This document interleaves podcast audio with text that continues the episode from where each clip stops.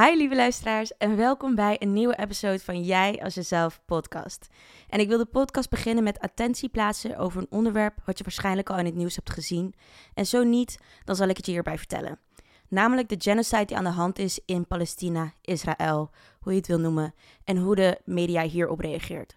En ik zeg genocide omdat dat is wat er gebeurt. Al 75 jaar worden Palestijnen etnisch geklenst tot het punt dat ze in een openluchtgevangenis zitten, namelijk Gaza. Waarbij ze Gaza niet kunnen verlaten, via Israël niet en ook niet via Egypte, want ze willen niet een grote vloed aan vluchtelingen. Dus ze zitten vast.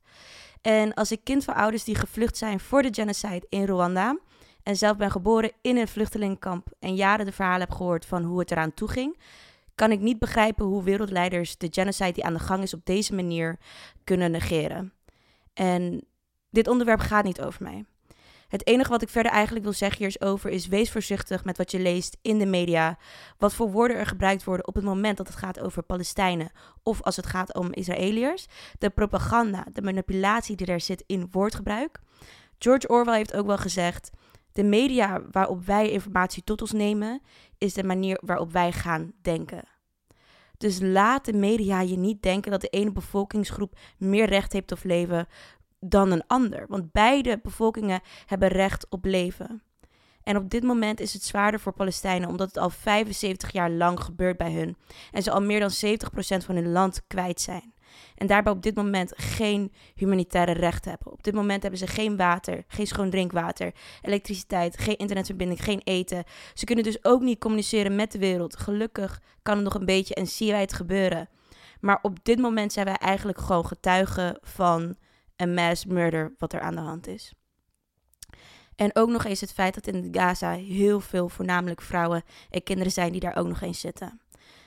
Als je dit luistert in de ochtend, vandaag om twee uur s middags, is er een protest in Amsterdam op de Dam, waar ik bij ga zijn. Kan je erbij zijn? Kom erbij. Doe wat jij kan doen in deze actie om ervoor te zorgen dat de wereldleiders, die hier heel veel invloed op hebben, andere beslissingen maken in plaats van het te negeren. En zodat wij ook geen getuigen gaan zijn van nog een genocide in deze wereld, in deze day and age, waarvan ik vind dat het gewoon onacceptabel is dat dat gebeurt.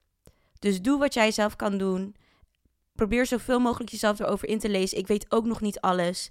Probeer zoveel mogelijk films te kijken. Want het is veel groter dan wat we nu zien.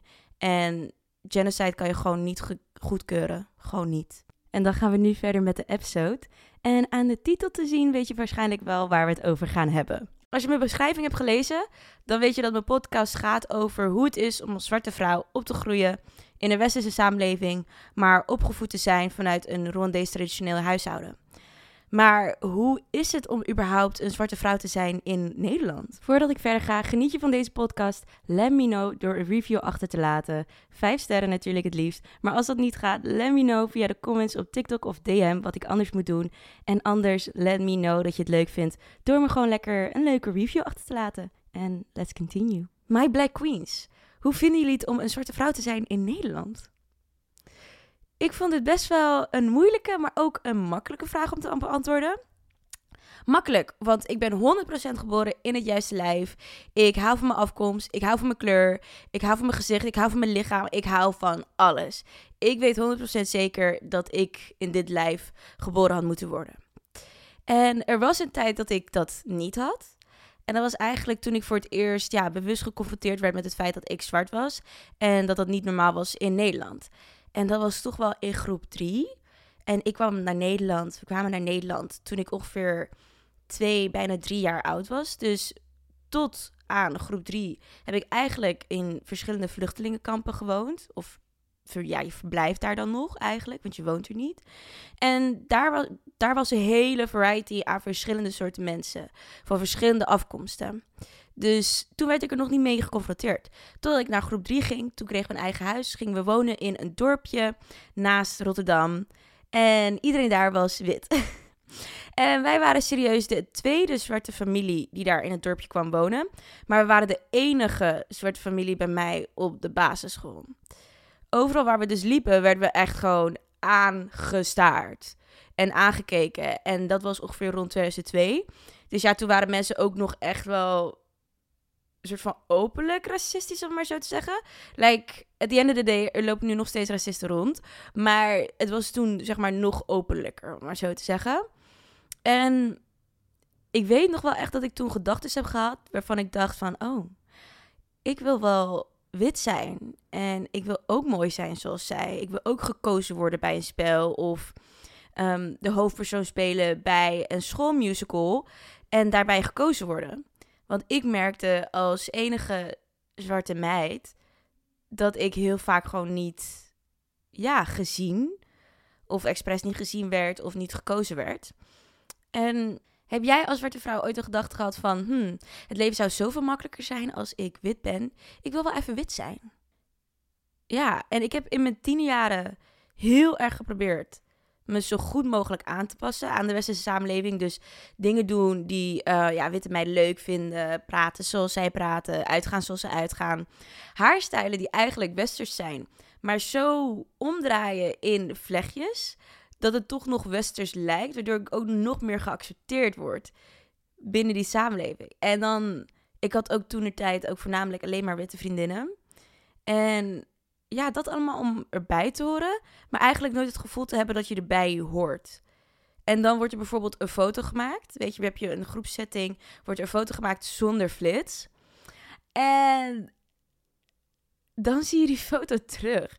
En dan denk je toch echt, oh my god is dit serieus?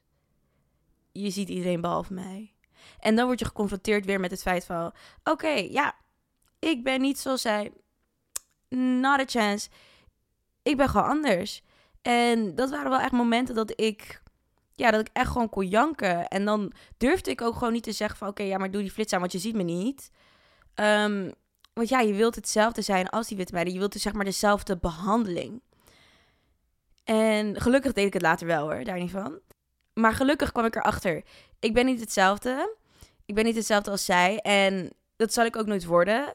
En dat wil ik ook niet meer zijn. Ik wil niet zoals zij zijn. Ik ben wie ik ben. En ik denk dat ik tot mijn zestiende hier echt mee, mee gestruggeld heb. Vooral qua uiterlijk. En daarna besefte ik me, oké, ik wil niet wit zijn.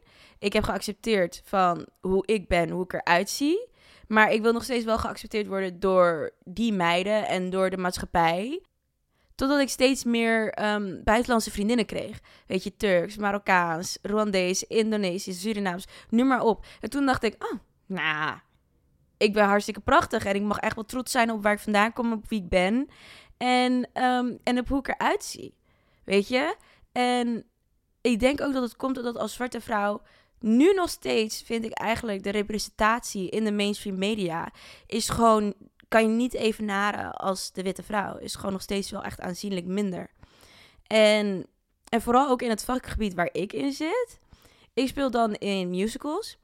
En ik speel nu zelf in, een, um, in Bonnie the Musical. En dat is voornamelijk 90% een zwarte cast.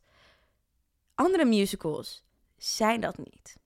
Tenzij het gaat om een verhaal waarbij dat moet zijn. Dus een Liking en Aida. Dan merk je dat ze daar echt specifiek naar op zoek zijn. En ook het verhaal wat ik dan, waar ik in speel, gaat het ook over slavernij van Suriname. Dus dan is het er. Maar je alledaagse verhaal over Piet en Jantje worden gewoon verliefd. Dan is de kast voornamelijk wit. Dan is de kast gewoon wit. Dan heb je misschien één persoon ertussen zitten. Waarbij iemand of uh, lichtgetint is. Maar nooit echt dat je denkt van... oh, dit is echt een variety van een cast. En ehm, ze spelen gewoon een verhaal, een normaal verhaal... waarbij het niet gaat om iemand zijn huidskleur of zijn afkomst. En dat vind ik toch wel jammer. En vooral als zwarte vrouw merk ik dat ik dat ook nog steeds niet heb gezien in bijvoorbeeld films. Alsjeblieft, noem een film waarbij er drie zwarte vrouwen zijn die een aanzienlijk grote rol hebben. Of een serie. Als jij die hebt voor mij in Nederland, dan neem ik al mijn woorden terug. Maar alsnog, ik heb het nog nooit gezien. En daar wacht ik op. Hoezo kan het niet de drie zusters zijn en dan zijn het gewoon drie zwarte vrouwen? Dat is wat ik heel tof zou vinden om te zien. En ja, dus daarin voel je gewoon nog steeds dat er gewoon niet een grote representatie is. En dan ook nog eens celebrities die eigenlijk, als je kijkt naar hun, niet helemaal trots zijn op wie ze blijkbaar zijn. Toch Beyoncé bijvoorbeeld, nou echt een prachtvrouw. Maar ze heeft nooit haar natuurlijke haar. ze is ook natuurlijk wel gewoon een icoon in de zin van ze is gewoon een product en daar moet ze zich aan houden hoe ze zich kleedt, hoe ze haar haar heeft, noem maar op. Maar het is alsnog wel gewoon weaves en pruiken. Weet je niet wat weave is? Kan je dat lekker opzoeken op TikTok of op de internet. maar dat bijvoorbeeld. En dan ook nog eens een afro is soort van pas bijna goedgekeurd op het moment dat het een grote afro is en het bijna een soort van een statement piece moet zijn op je hoofd. Ik heb bijvoorbeeld de afgelopen, het afgelopen jaar ben ik heel erg gaan uitzoeken. Oké, waarom vind ik mijn afro niet leuk, niet mooi, noem maar op. Omdat het gewoon niet groot is. Het is een klein afrootje.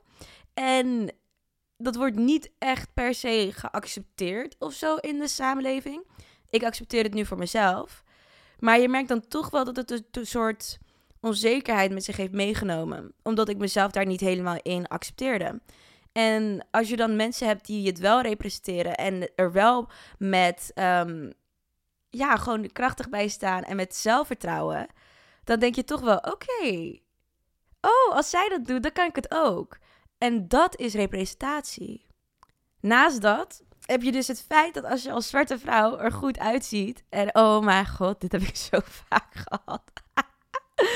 Als je er als zwarte vrouw goed uitziet en je spreekt gewoon um, heel goed Nederlands en ja, je bent gewoon een gezellige meid. In de dating scene met mannen, en dan heb ik het over witte mannen, dan word je heel snel geseksualiseerd. En ja, want ze zijn nog nooit met een zwarte vrouw geweest. Ze horen allemaal blijkbaar wilde verhalen dat zwarte vrouwen echt gekke dingen doen in bed.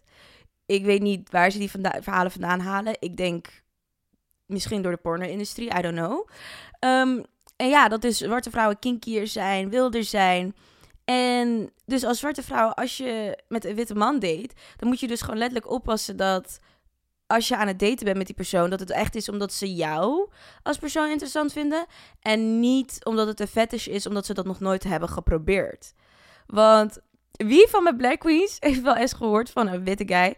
Oh, nou, ik ben nog nooit met een uh, zwarte vrouw geweest, maar ben wel benieuwd. Je bent mijn eerste. echt, echt, echt. Het zou me niet. Het zou me gewoon niet verbazen als er best wel veel vrouwen zijn die dit hebben meegemaakt.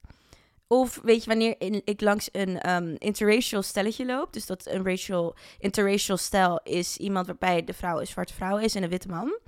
Dan, ik weet niet wat het is. Maar op de een of andere manier kijken die vrouwen me altijd echt aan alsof blikken kunnen doden. En ik begrijp het niet.